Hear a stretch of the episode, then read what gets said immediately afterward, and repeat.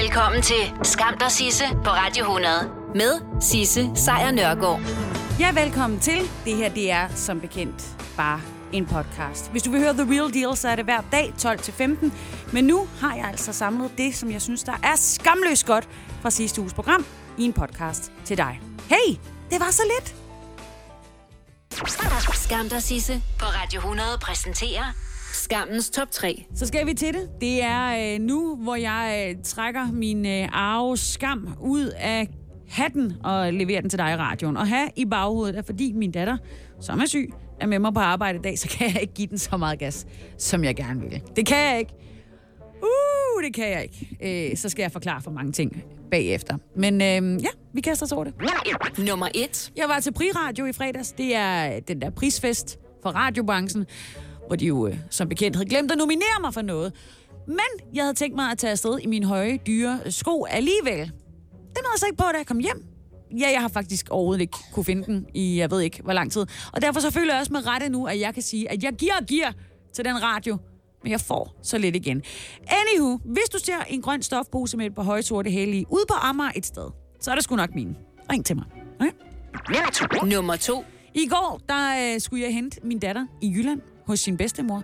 Og det er jo altid rart at få sit barn igen. Især når hun har været væk i flere dage.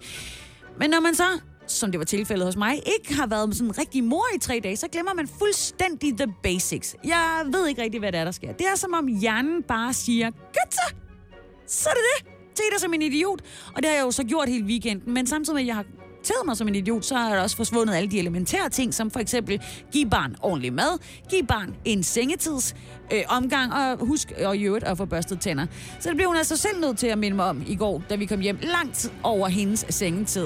Må jeg få mad? Må jeg få børstet tænder? Må jeg komme i seng? Og wow, de bliver voksne så hurtigt, især når deres forældre åbenbart ikke er det. Nummer 3. For jeg er åbenbart ikke voksen. I weekenden var jeg nemlig også ude at spise på det vildeste, nyeste skud på den københavnske restaurantscene, nemlig The Alchemist. Fancy sted. Der er brugt 100 millioner på at stedet fedt, så jeg tænkte, at jeg vil bruge cirka det samme på deres vinmenu. Well spent money i øvrigt.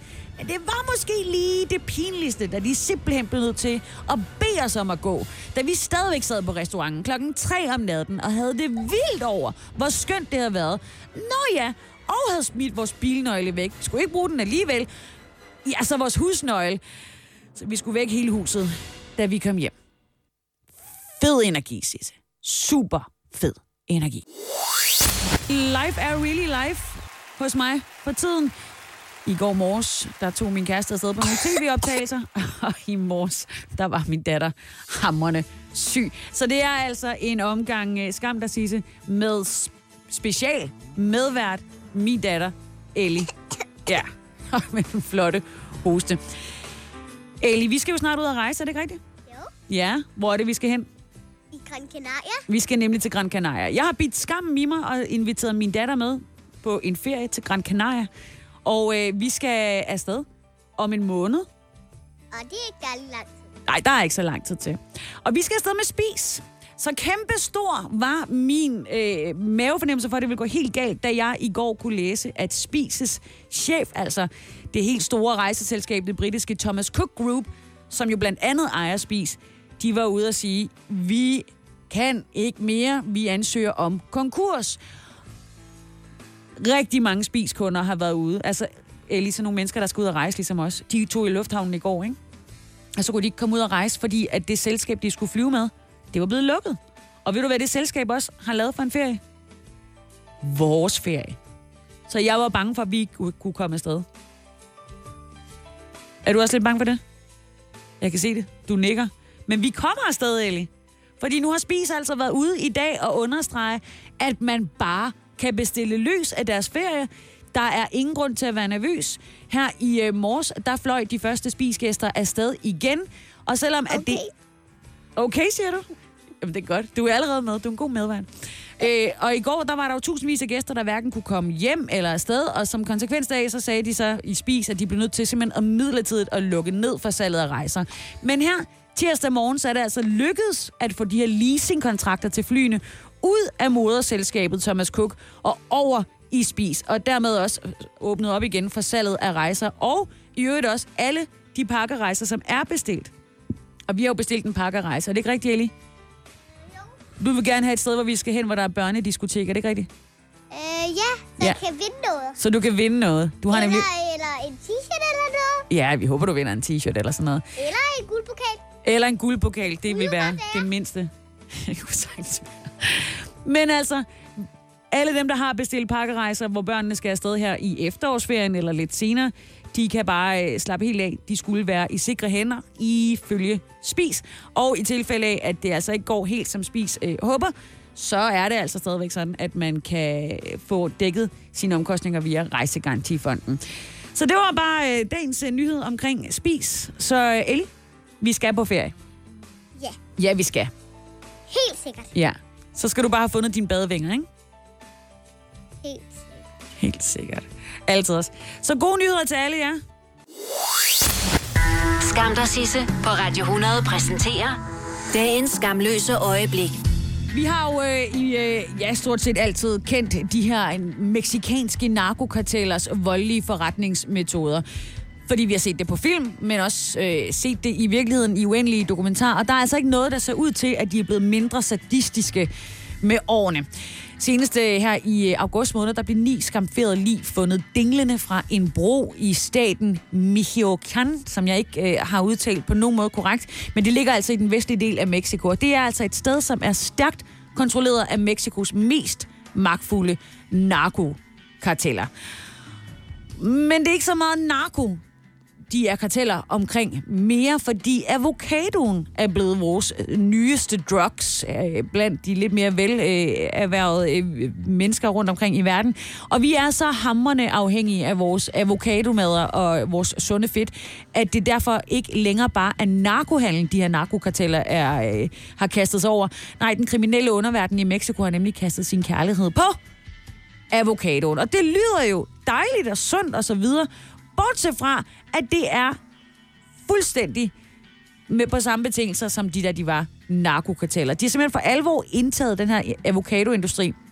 Og meget af det foregår netop i den her delstal, øh, øh, Mi, Mi, Michoacán, som jeg ikke kan finde ud af at sige, men hvor man altså fandt de her ni øh, lig hængende fra en bro. Alt, som narkokarteller gør, det handler om penge. Og derfor er det altså også super naturligt, at de nu har udvidet deres forretning til at omfatte avocadoer. Der er nemlig rigtig mange penge i avocadoer. Alene herhjemme i Danmark, så er salget af avocadoer steget med 60 procent, skriver DR. Det er fra 2012 til 2017, og alle jer, der var børn i 90'erne, ved, hvor sjældne avocadoer var, og hvor længe man skulle vente på, at de var modne. Til gengæld var de også tre gange så store. Så jeg tænker på, at hvis man kigger på, hvordan det er steget fra 90'erne op til nu, så må vi snakke flere hundrede procent. Men det har altså også betydet den her enorme stigning af avocadosalg, at det er blevet en kæmpe big box forretning. Faktisk så var det i 2018 sådan, at øh, produktion af avocadoer havde en værdi af 13 milliarder dollars. Det er et øh, tal, som analysevirksomheden Indexbox har, øh, har leveret. Og det kan de meksikanske bønder altså også godt mærke, og det er derfor, at de øh, simpelthen har givet avocadoen kælenavnet det grønne guld. Og narkokartellerne har jo så også lugtet den her gode forretning, og de overtager så store dele af avocadomarkedet. Og, øh, og de gør det på den eneste måde, de kender, nemlig den måde, som de også udfører narkokriminalitet på. De vil have en bid af kagen, så derfor så går de ind og overtager avocadobøndernes landbrug, tager deres biler, tager deres medarbejdere, så tvinger de bønderne til at betale beskyttelsespenge. Det siger DR's korrespondent i Mexico, Lasse Engelbrecht. Men der er altså også en anden grund til, at øh, kartellerne har sat sine tænder i avocadoen, fordi efter den her berygtede narkobaron, der hed El Chapo, han blev idømt livstid for ikke så frygtelig lang tid siden, så er der altså et magtskifte i Mexico, og andre karteller har taget over, og derfor så er der kamp om at udvide deres sortiment. Og det betyder altså, at mange af de her narkokarteller ikke længere øh, arbejder i narkobranchen, men simpelthen i avocadobranchen. Så tænk over det næste gang, du får et lækkert opslag på Instagram. Kan godt have kostet lidt mere end bare øh, de der 25 kroner, som det koster at købe et net. Og så er det jo altid dårligt. Dagens skamløse øjeblik. Der er meget få ting, som øh, den daværende eller den tidligere præsident Obama og øh, den nuværende præsident i USA, altså Donald Trump, de er enige i. Men der er en ting. Ellie, du skal ikke slikke mikrofonen. Nå, det er godt. Altså. Det er nemlig, at øh, det virker mærkeligt, at Obama fik Nobels fredspris. Det er simpelthen der, den ligger. USA's præsident Donald Trump, han mener nemlig selv, at det er uretfærdigt, at han ikke har modtaget Nobels fred, øh, fredspris. Og det sagde han altså i, inden et møde i går med pa- øh, Pakistans premierminister Imran Khan ved FN's generalforsamling i øh, New York. Sagde han der. I think I'm going to get a Nobel Prize for a lot of things if they gave it out fairly, which they don't. Ja, han mener, han kunne få en Nobelpris for rigtig mange ting, hvis de altså... Wow, Ellie. Skru lige lidt ned for dig. Hvis de altså vel at mærke delte dem ud sådan på retfærdig vis. Øhm, Det mente han lige, han lige skulle honorere til det her møde. Der kunne han jo lige så godt, selvom de snakkede om alle mulige andre ting. Da præsidenten undervejs beskrev sig selv som det, der, hed- som han sagde, en ekstrem god maler, så sagde en journalist, at hvis Trump rent faktisk kunne formidle en fredsaftale mellem Pakistan og Kashmir, provinsen, altså i det her område, Indien og, øh, og Pakistan møder hinanden, jamen så burde han få en Nobels fredspris. Og det mente Trump jo var absolut korrekt, men i øvrigt, at han burde have fået den for så mange andre ting. Og så fik han selvfølgelig også lige glædet ud mellem ribbenene, at han mente, at den forhenværende præsident Barack Obama var et eksempel på en person, som havde modtaget Nobelprisen på uretfærdig vis. Well, they gave one to Obama immediately upon his ascent to the presidency, and he had no idea why he got it. And you know what? That was the only thing I agreed with him on. Det er de nemlig faktisk enige om. Donald Trump han mener simpelthen, at det var uretfærdigt, at Obama fik en, øh, en fredspris tilbage i 2009, efter han har siddet som præsident i bare 8 måneder. Og han fik øh, den her pris for sin ekstraordinære indsats for at styrke det internationale øh, forhandlingsklima. Og prisoverrækkelsen af den her Nobels fredspris til Obama, Obama fik øh, rigtig mange til at hæve øjenbrynene og diskutere, hvad en præsident kunne have gjort på 8 måneder for at fortjene den pris. Inklusiv Obama selv. Han udtalte sig allerede dengang og sagde, at det var lidt ironisk, at han modtog en fredspris for at have sendt yderligere 30.000 soldater til krigen i Afghanistan. Ved du være, Eli? Hvis du nogensinde modtog en Nobels fredspris, ved du, hvad det så vil være for? Det vil være for at se bedst ud, glemmer. Det er du ikke helt enig i? Nej, det er også okay. Skam dig, Sisse på Radio 100 præsenterer Skamløse fornøjelser. Det er 50 år siden, at vi var, ja, vi som i uh, humankind, var på månen. Eller var vi? Lige meget hvad man tror.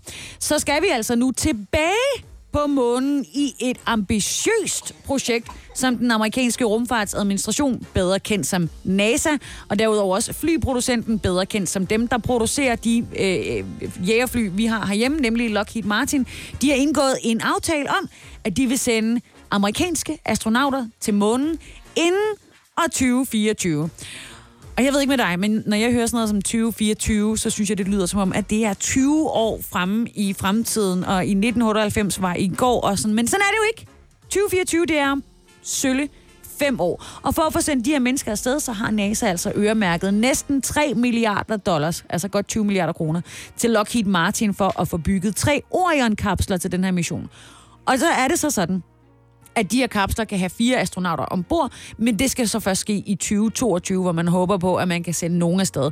Og det er også, der er, term, der, der er samtaler om lige nu også, at de skal til månen og tilbage, og så skal de til Mars og tilbage. Så det her er altså det, der kommer til at ske. Allerede næste år, der kører de en uh, ubemandet flyvning med afsted, øh, og så er det de første bemandede flyvninger er planlagt til år 2022. Og så er det altså, at vi igen kan være vidner til No way. That's great. Woohoo! Jeg ved ikke, om du har bemærket datoen, men det er jo i dag, den 24. september. Og derfor er der nu tre måneder til, at du lige nu sidder og gør dig klar til at finde Disneys juleshow frem. Og det betyder... Kan du høre det, skat? Hvad er det for noget musik? Det er julemusik. Du skal tale ind i mikrofonen. Det er julemusik. Præcis, og grunden til, at jeg sætter julemusik på lige nu, det er, at om tre måneder, der er det juleaften. Men det betyder, at man skal være klar allerede nu. Vidste du det, skat? Nej, det var, du ikke, ej, det var du ikke lige helt med på. Jeg kan nemlig fortælle dig ud, at hvis du har børn, det har du ikke, vel? Ikke nu. Du har dine nissebørn. Men så er det altså nu, du skal have... klaret snotten, og derudover også fået fat i nisserne og få afleveret ønskesedler til nisserne om, hvad der kunne være brugbart i en pakkekalender for de respektive børn. Og jeg siger til nisserne, skat. Ikke? Skal lige have fat i nisserne. Øhm, og så i stedet for, at nisserne står med det hele i slutningen af november, så skal de bare begynde lige nu. Så gå ud og få snakket med de nisser om, hvilke pakker, der skal ordnes, så det kommer til at være en kæmpe omgang senere. Det er bare et tip. Hvis du er en nisse, der har det bedst under pres, feel free. Så kan du faktisk også allerede nu med ro i sindet begynde at lave småkagedej. Kunne du tænke dig at lave det, Ellie? Ja. Ja. Og fordi så må man jo også gerne smage. Du skal snakke ind i mikrofonen, skat. Så må man jo også gerne smage. Præcis, det er nemlig rigtigt. Smage, når man laver dejen. Det må man nemlig. Og så kan man bagefter fryse den ned, og så er det faktisk sådan, at så kan man fryse det op igen, når man skal bruge det. Og så har man friske småkager, uden at skulle stå og, øh, og stresse over det. Det er da lækkert, er det ikke? Ja, du nikker. Det er godt.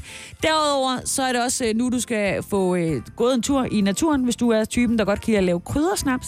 Det er nu, der skal samles urter, inden, øh, inden det bliver for koldt. Ved mindre du er sådan en, der gerne vil have slåen, så skal du vente til den første frost har været der, før du kan få det med. Så er du klar over det, og skal du også have inviteret til julefrokost, og ikke har sendt invitationerne nu- ud endnu, så skal du gøre det med det samme. Tak for det, Ellie.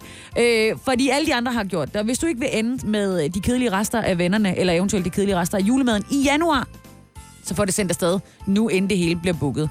Og endelig skal du have sendt øh, julekort, så er det også i gang nu. Altså sådan virkelig. Fordi hvis du regner med, at de skal være fremme med postvæsenet, så er det ved at være lige op over, hvis du skal nå det inden jul. Hey Ellie, hvad er det, vi skal spise i aften? Vi skal faktisk spise risgrød i aften. Det er lige præcis det, vi skal. Kernefamilie, regnbuefamilie eller selvvalgt familie. Uanset hvilken familie I er, gør ASE arbejdslivet lidt lettere. Få én fagforening for hele familien til kun 99 kroner om måneden. Og se den ekstra rabat, du kan få på ase.dk. Lad os sige, at du har fået årtidets stenslag. Så hele forruden revner. Ej, så kan vi jo møde Torben på værkstedet igen. Ham, der er så sød. En positiv indstilling hjælper lidt. IF hjælper meget. Velkommen til IF Forsikring. Forestil dig et Danmark på 100% grøn energi. Og mens du gør det, arbejder vi på sagen. Hos Nordlys giver vi dig adgang til ladestandere over hele landet, og der er stadig flere på vej. Til dig, der kører på el i dag, og dig, der gør det i morgen. Kør med på nordlys.dk. Harald Nyborg. Altid lave priser. 24 ruller 3 lags toiletpapir kun 45 kroner. 20 styk 20 liters affaldsposer kun 3,95. Hent vores app med konkurrencer og smarte funktioner. Harald Nyborg. 120 år med altid lave priser. Skam dig, Sisse på Radio 100 præsenterer dagens skamløse øjeblik. I august, ja, for lidt over en måned siden, der kom det frem, at uh, MeToo også har ramt den helt store ædelsten inden for scenekunst, nemlig operan. Og nu er det så kommet så vidt, at operastjernen Placido Domingo, det skal siges på den måde, han øh, trækker sig for alle fremtidige optrædener i øh, Metropolitan Opera. Det her, det sker altså efter anklager om øh, sexchikane, og derudover upassende opførsel mod en lang række kvinder. Det er øh, simpelthen noget, der er kommet ud her dag. Domingo, det er ham, der har givet os blandt andet det her.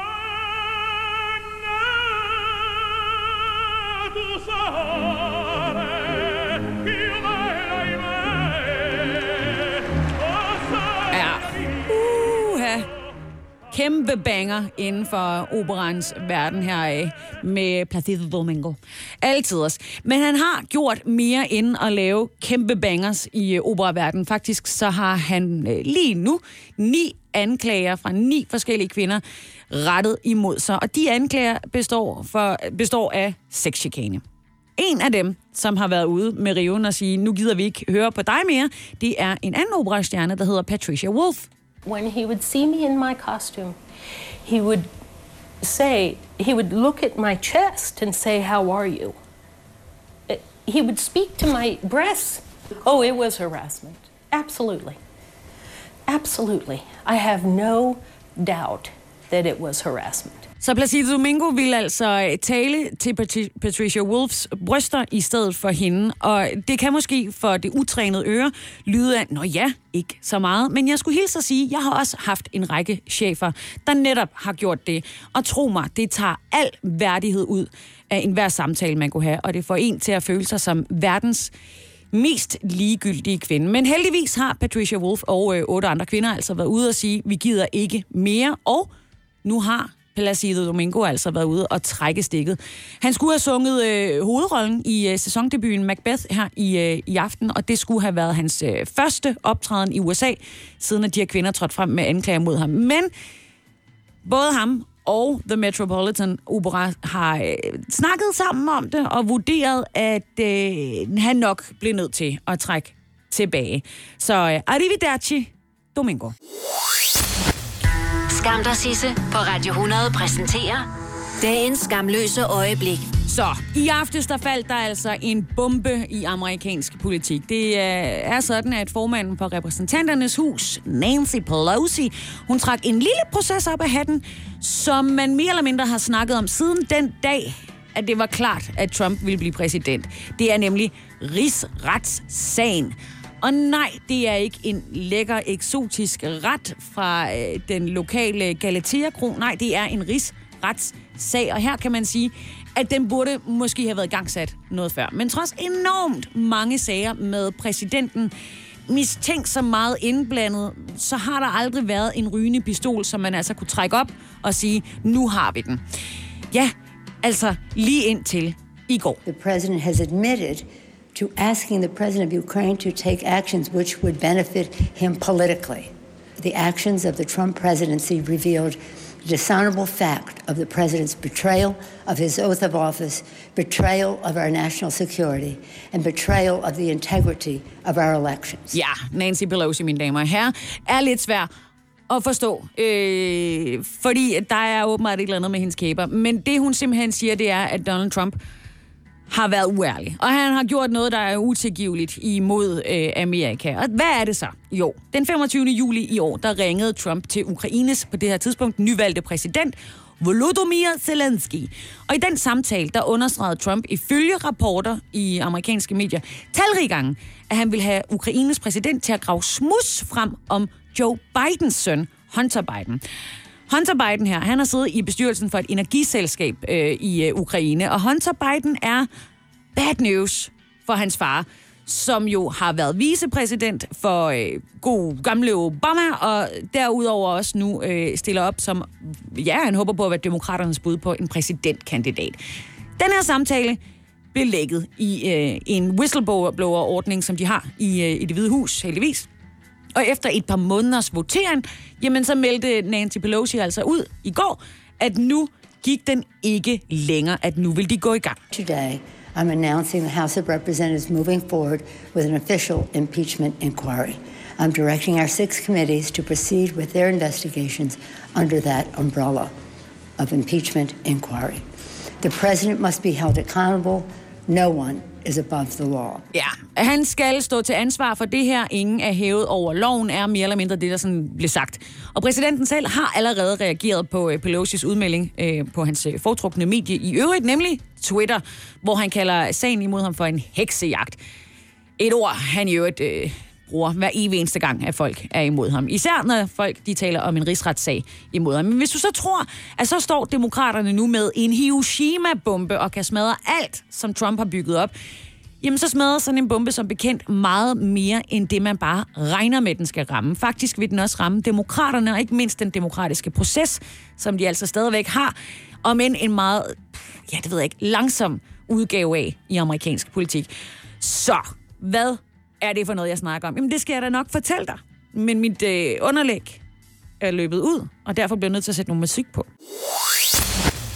Dagens skamløse øjeblik. Så altså, Nancy Pelosi, formand for repræsentanternes hus, hun gik direkte til sagen i går og indledte altså en ja, de indledende øvelser til en rigsretssag imod den øh, amerikanske præsident. Fordi... The president must be held accountable. No one is above the law. Og det her, det ville være et stærkt udsagn i en stærk tale, hvis altså ikke det har vist sig at være løgn igen og igen og igen i det amerikanske retssystem. Men lad nu det ligge, fordi demokraterne har indledt en rigsretssag mod præsidenten, og det er en bombe af de helt store. Vel at mærke en bombe, som smadrer ikke bare republikanerne, men også kan have kæmpe stor smadre effekt på demokraterne, politiske processer og det amerikanske folks politik i det hele taget.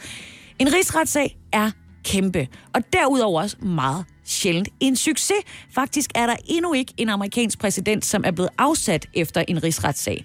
I øh, den amerikanske forfatning, der siger man altså, at man kan blive stillet for en rigsretssag og fjernet fra sin post, hvis man bliver dømt for forræderi, bestikkelse eller andre alvorlige forbrydelser og forseelser. Og det er den sidste del, som altså har været åben for fortolkning altid. Processen omkring den her rigsretssag er en langtrukken affære, og den handler altså meget mere om politik og hvordan man tolker jura, end den egentlig handler om jura. Og i den her sag, der bliver Trump så, som bekendt, beskyldt for at have brugt ja, udenrigspolitiske forbindelser til at føre valgkamp. Det er ikke første gang, man, man hører det. Men Joe Biden er, er altså blandt øh, manges favorit til at blive demokraternes præsidentkandidat næste år. Når Donald Trump så går ind og prøver at rydde noget snavs frem på Bidens søn, Hunter Biden, jamen så bruger han altså sine forbindelser på en måde, der ikke er i orden. Juridiske eksperter, de peger dog på, at amerikansk lov, de, den ligesom indskærper, at øh, en person skal have haft en korrupt hensigt for at kunne dømmes for at obstruere rettens gang. Og det er jo lidt uklart i tilfældet med Trump, som det jo øvrigt også er med, lad os sige, voldtægtssager. Havde du til hensigt at voldtage kvinden? Nej, det skete ligesom bare. Havde du til hensigt at grave snavs op? Nej, det skete sådan set bare. Og det tager altså normalt mange måneder at gennemføre sådan en rigsretssag. Til dato har der været 19 rigsretssager i USA, og to af dem har været imod præsidenter, Andrew Johnson tilbage i 1868, og så den en mere kendte Bill Clinton-sag i 98. Så begge bliver altså frikendt af senatet. Den nok største skandale, der har været i det hvide hus, var Watergate, og der ville der have været en rigsretssag, men Richard Nixon han sagde no, no, no, no, no, og så smuttede han, inden at det overhovedet blev en deal. Og udover rigsretssager, så er der faktisk også øh, andre muligheder for at afsætte en præsident, og det er det, der hedder den 25. tilføjelse til forfatningen. Den kom med tilbage i 67, og øh, blev brugt til at forebygge, at en præsident blev meget, øh, altså hvis en præsident blev syg, så var han ikke i stand, eller hun ikke i stand til at lede landet. Den har man også forsøgt i 1987, hvor Ronald Reagan, øh, Ronald Reagan han begyndte at udvise en tegn på depression. Og øh, det lykkedes ikke, men et par år senere, altså fire år senere, at han var færdig som præsident, der fik han konstateret Alzheimer's. Så der har sikkert været et eller andet i gære. Men den vil de altså ikke prøve. De vil prøve rigsretssagen, og man ved, at det her det kommer til at tage måneder. Og der er som bekendt 14 måneder til, at man skal til valg. Så Good luck. Nå, det skal handle om... Wonderful, wonderful Copenhagen. Yep, vores hovedstad København. København er en af de bedste byer at bo i. Det hører vi i hvert fald jævnligt fra alle mulige mennesker og undersøgelser øh, derude. Og jeg, nu hører du det også fra mig. Jeg bor der. Jeg elsker København. Vores hovedstad er en af de få hovedsteder, som er omgivet af vand, rent vand, hvor man kan bade i og dyrke østers i. Og derudover så har København en infrastruktur, som øh, indbygger i mange andre store byer bare står og øh, skiller meget misundeligt til, især når det gælder om den kollektive kollektiv transport, men også cykelstier, der forgrener sig igennem den danske hovedstad, alle mulige steder. Det vækker misundelse, og vi er meget glade. Det kører for os i, øh, i København. Kæmpe i orden. Men der er altid nogen, som vil teste, om det er i orden. Om det er godt nok, om det er det bedste. Og det har det internationale investeringsselskab, der hedder Savills Investment Management, gjort.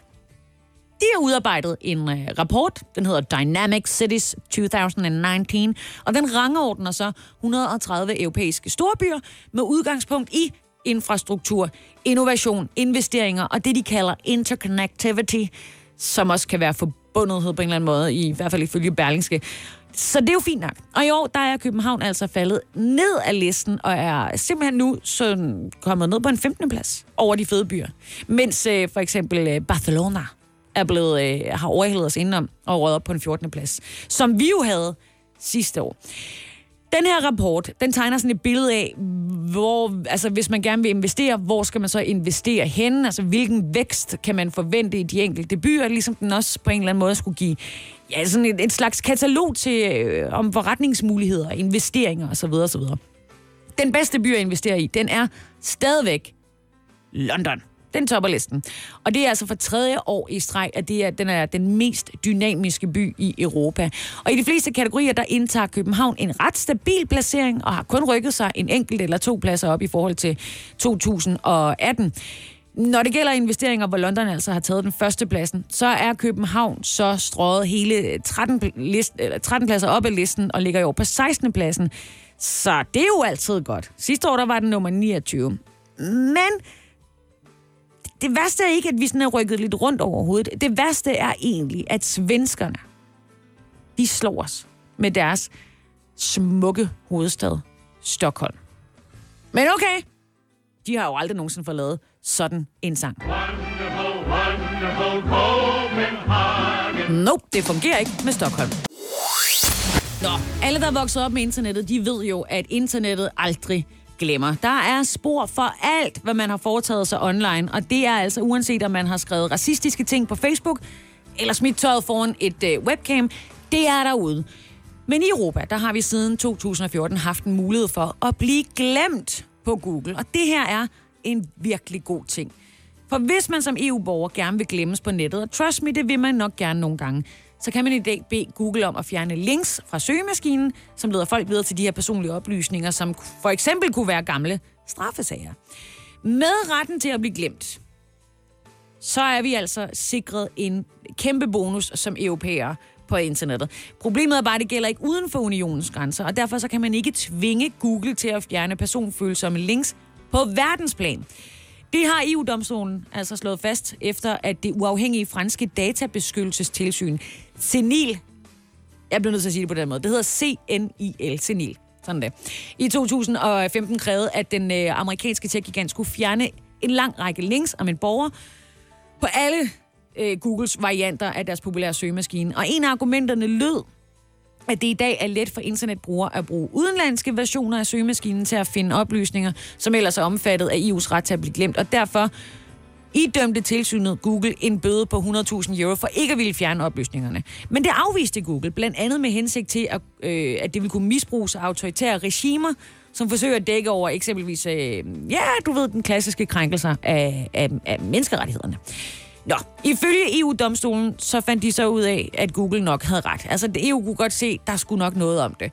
Og den skal dog øh, gøre det i øh, EU-medlemslandet tilføjet øh, domstolen, men de kan ikke gå ud og redde europæiske borgere, som har fået lagt alle mulige oplysninger op om sig fra, lad os sige, Iran eller i USA.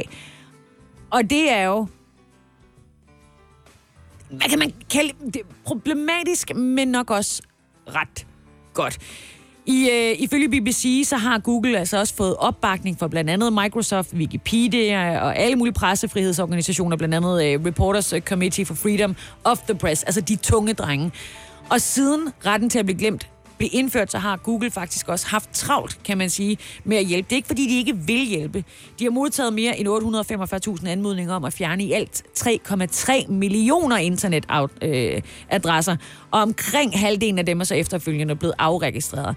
Men selvom du så får fjernet billederne fra din julefrokost i 2009 på en side for, ja, tåbelige brænder som alle kan gøre grin med, så er du altså kun sikret, at den her den kan blive fjernet, hvis siden har en IP-adresse i Europa. Ikke hvis det er en, der sidder over i Rusland og hygger om dig og synes, at du ser noget så idiotisk ud med dit slips bundet omkring hovedet. Og der må man sige, at russerne har ret. Så bare husk, fordi det gør nettet i øvrigt, at internettet aldrig nogensinde glemmer lige meget, hvad du skriver.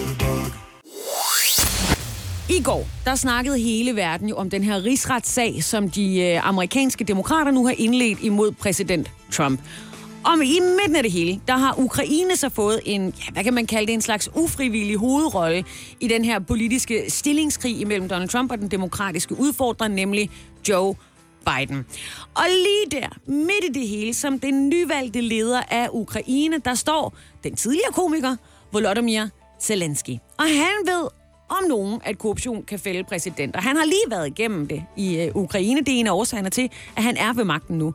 Men den her gang, der handler det altså ikke om noget i Ukraine. Altså, det handler ikke om hans egne præsidenter. Nej, det handler om en rigsretssag mod USA's siddende præsident. Og Vladimir, eller Volodymyr, han siger, at han ikke sådan følte sig presset til at udlevere de oplysninger, som, som alle går og snakker om. Også selvom at Trump ja, lige et par dage forinden havde fastfrosset et amerikansk tilskud på omkring 400 millioner til hjælp i Ukraines kamp mod russerne. Så kan man jo være benhård i øh, maven, og så kan man sige, nej nej, jeg følte mig ikke presset, til trods for, at alle de penge øh, blev lukket væk fra mig, hvis jeg ikke leverede oplysninger. Men blev han presset? Det er jo det store spørgsmål. Det er jo det, vi skal finde ud af. En lang række kilder med kendskab til den her telefonsamtale mellem Trump og Volodymyr Zelensky den 25. juli i øh, sommer, de siger, at han blev presset. Og øh, ifølge New York Times, så er der masser, øh, der dokumenterer øh, det her netop også ved en udskrift af, af samtalen, af den her øh, famøse samtale. Men Zelensky, han har så været ude øh, siden i et kort interview, øh, hvor han siger, jeg forholder mig forholdsvis tavs til den her øh, sag, fordi uanset hvad jeg siger, så risikerer han altså kun at, at rave endnu mere uklar med enten den ene eller den anden halvdel af det amerikanske politiske spektrum.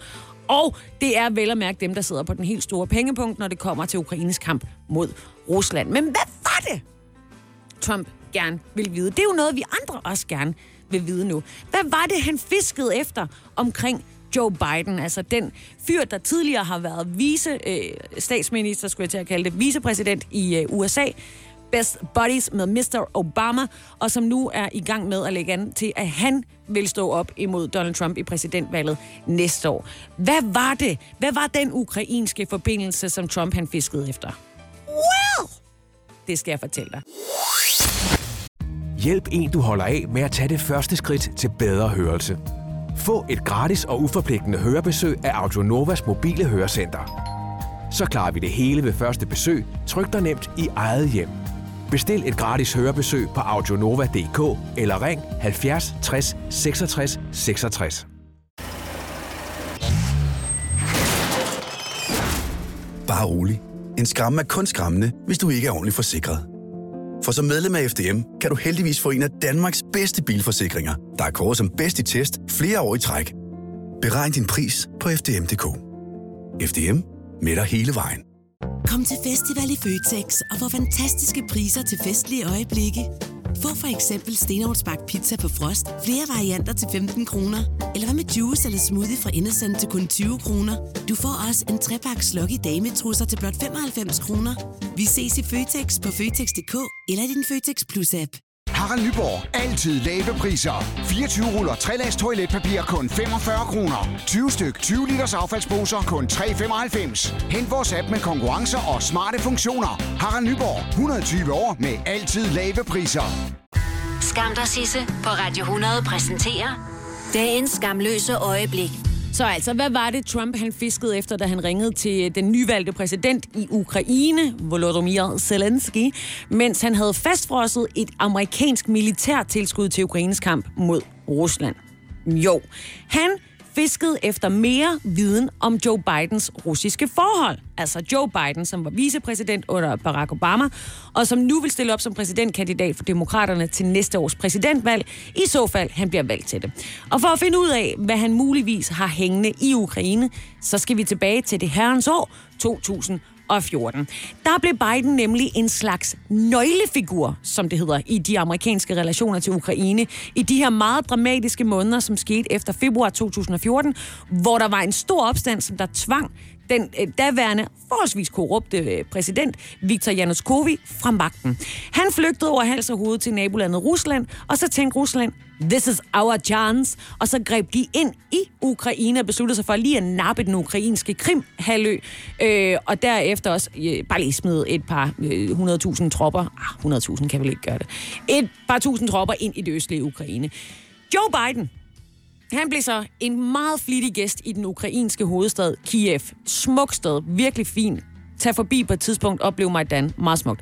Han lovede blandt andet øh, amerikansk bistand til Ukraine i deres kamp mod Rusland, som jo så på det her tidspunkt havde kostet mange tusind livet. Og han ville også hjælpe til, øh, til landets kamp mod korruption. Og mens det skete, så rykkede Joe Bidens søn med ind i Ukraine. Han hedder Hunter Biden. Og det er så her, at han bliver krumtappen i Trump-støtternes anklager mod øh, præsidentkandidaten Joe Biden. De hævner nemlig, at Joe Biden skulle have misbrugt sin magt i Ukraine ved at have holdt hånden over et selskab, hvor sønnen arbejdede i den her periode. For mens hele den her udvikling i Ukraine er i gang, så blev Hunter Biden ganske rigtig bestyrelsesmedlem i Ukraines største private gasselskab, der hedder Burisma. Et job, som øh, gav ham en lille fin månedsløn på omkring 50.000 dollars om måneden. Allerede dengang, der blev republikanerne sådan ret sure over det og kritiserede det, fordi Ukraine er ifølge flere undersøgelser Europas mest korrupte land. Og derudover så er den ukrainske gassektor blandt de allermest korrupte brancher i, i Ukraine. Så vi er altså ude i, at det her det er ikke fedt. Det er simpelthen lort med lort på. Men til trods, at vicepræsidentens søn han arbejdede i den nok allermest korrupte branche overhovedet, så fastholdt Joe Biden, at han fulgte den amerikanske regerings etiske øh, retningslinje til punkt og prikke. Og at hans søn altså var en privat borger, som traf sine egne øh, beslutninger, uanfægtet hvem hans far var. Men Rudy Giuliano, ja, det er altså den tidligere borgmester i øh, New York, og derudover også Trumps advokat, han mener altså, at far og søn, Biden-duen, om man vil, var involveret i urent trav i, øh, i Ukraine. Nå, tænker du så. Hvad kan det måtte være? Jo, ifølge Giuliano, så øh, krævede Joe Biden, den daværende chef for Ukraines anklagemyndighed, Viktor Shokin, han krævede, øh, ville have ham fyret, fordi Shokin angiveligt var i gang med at efterforske netop Burisma, altså gasselskabet, hvor Hunter Biden arbejdede. Og derudover også den tidligere miljøminister. Giuliano han hævder, at han ligger inde med beviser for de her påstande. Han har bare ikke lige haft tid til at finde dem frem endnu. Fair nok. Jeg tænker, han har mange papirer på sit kontor. Joe Biden, han har ikke lagt skjul på på noget tidspunkt igennem alt det her, at han rent faktisk øh, var ude og forsøgte at få den korruptionsanklagede Shokin fyret, fordi han blokerede for ukrainske reformer. Han har ligefrem pralet med, at han vil stanse den her amerikanske støtte til Ukraine, hvis ikke altså Shokin blev fyret. Så der er ingen tvivl om, at Biden han gerne vil. Han har prallet med det, og Giuliano hævder, at han gjorde det så den er ikke længere. Men Biden var altså ikke alene om at ønske ham her Shokin hen, hvor, øh, ja, Ukraine stopper, og, øh, og peberet begynder at gro. Det var, øh, det, var den, øh, det var faktisk det ukrainske parlament, som besluttede sig for at få ham ud af jobbet, efter han ligesom fejlede eklatant. Blandt andet skulle han have indledt en ret stor antikorruptionssag, at det gjorde han aldrig. Vi i Danmark lagde også meget pres på den daværende præsident i, øh, i sagen. Og det kan jo så... Øh, nærmest ikke være Bidens skyld, hvis han blev fyret. Nå, det udelukker selvfølgelig ikke, at øh, Joe Biden også kunne have haft andre dagsordner, da han så gik i gang med at fyre. Der er imidlertid ikke rigtig nogen, der kan sige op eller ned, altså forklare, om der var et eller andet ulovligt i det her, men nu ved vi da i hvert fald, at det kommer til at blive efterforsket i den grad. Fordi selvom Trump så har gjort noget ulovligt, så kan han jo også hævde, at Biden har gjort det samme. Og så står vi i en situation, hvor alle taber. Altså både Trump og Joe Biden, de kommer ikke til at være vinder i den her sag. Omvendt, så kan man jo også sige, at der er ingen af dem, der sådan rigtig har været vinder endnu.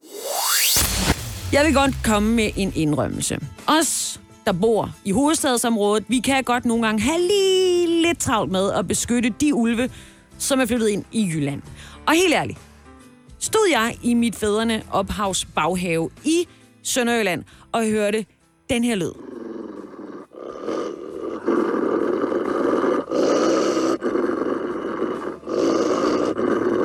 Yep, så kunne du regne med, at jeg vil være inden for hurtigere, end du kunne nå at stave til ULV. Fordi en 26-årig mand tirsdag aften er ifølge eget udsagn bit af et ulvelignende dyr. Det er Syd- og Sønderjyllands politi ude og øh, fortæller, at de simpelthen modtog en anmeldelse om det tirsdag aften.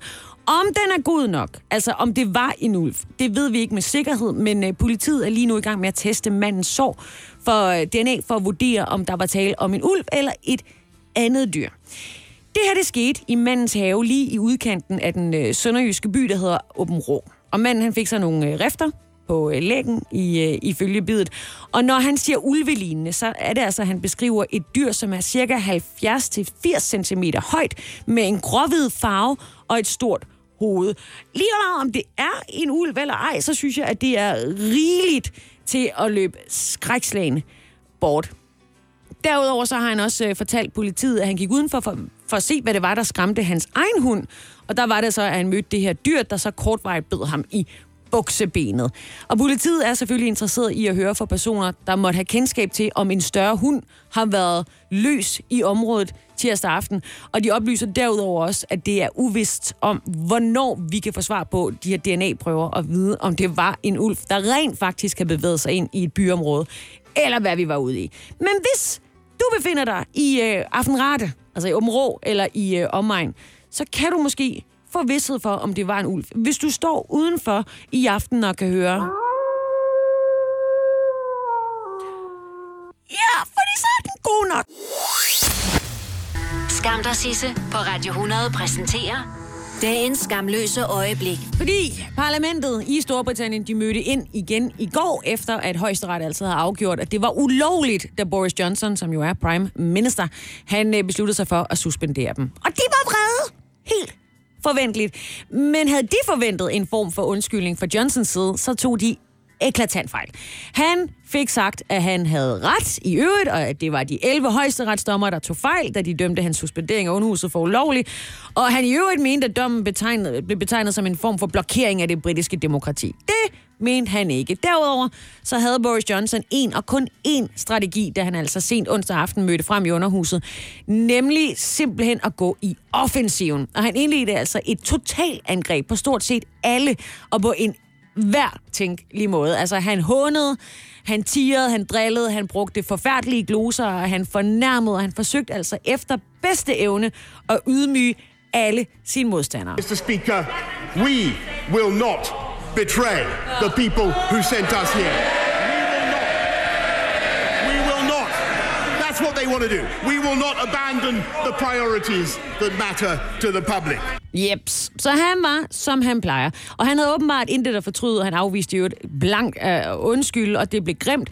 Det blev faktisk så grimt, at Boris Johnson sen onsdag aften blev bedt om at moderere sin øh, debattone, øh, da den simpelthen kunne føre til yderligere dødstrusler mod de mennesker, som har besluttet sig for at stemme Remain, dengang man skulle stemme for eller imod Brexit. Der var dog altså politikerne, og de har altså fået masser af dødstrusler. We should not resort to using offensive, dangerous, or inflammatory language for legislation that we do not like. And we stand here, Mr. Speaker, under the shield of our departed friend, with many of us in this place subject to death threats and abuse every single day. And let me tell the Prime Minister that they often quote his words surrender act, betrayal, traitor. And I, for one, am sick of it. We must moderate our language, and it has to come from the Prime Minister first. Yep, og til det, der svarede Boris Johnson. I think, Mr. Speaker, I have to tell you, Mr. Speaker, I, I, I, I have to say, Mr. Speaker, I've never heard such humbug in all my life. Because uh, Ja, det er det værste humbug, jeg har hørt i mit liv. Åh, oh, Jesus, farsen, den fortsætter. Og hvad så med Brexit, tænker du så nu, hvor alle vennerne, som man kan høre, er der var samlet i underhuset for at, øh, ja, parlamentere frem og tilbage. Well, ikke noget med Brexit. Nej, der kan ikke rigtig ske noget. Det er sådan, at oppositionen, altså Remain, mange Remain-politikerne, de vil af taktiske årsager ikke i øjeblikket stille øh, premierministeren et mistillidsvotum.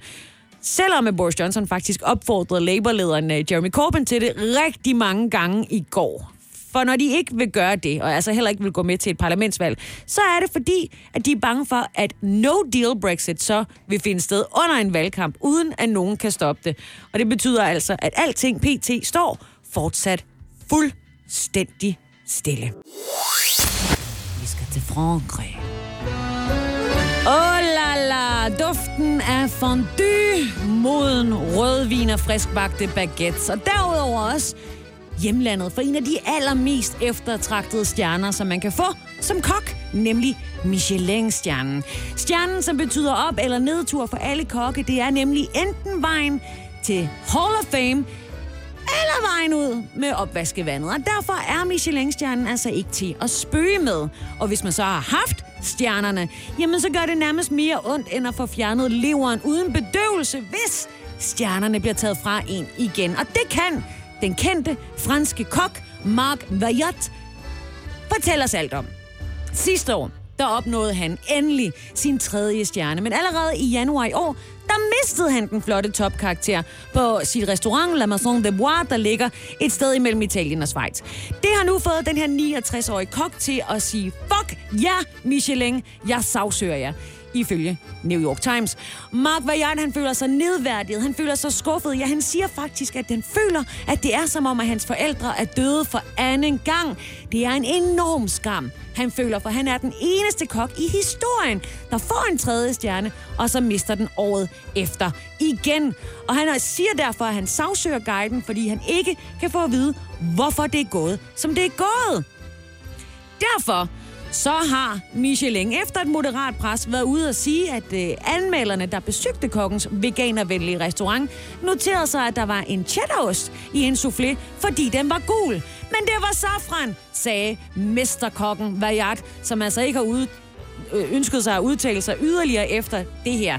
Det eneste, han derudover kan sige, det er, ses derinde i retten, ifølge New York Times. Det er nemlig sådan, at nu tager de øh, sagen op i retten i slutningen af november, og her vil Vajat og hans advokat gå efter at få Michelin til at trække guidens bedømmelse af hans restaurant tilbage og efterlade ham med hans fortjente tre stjerner.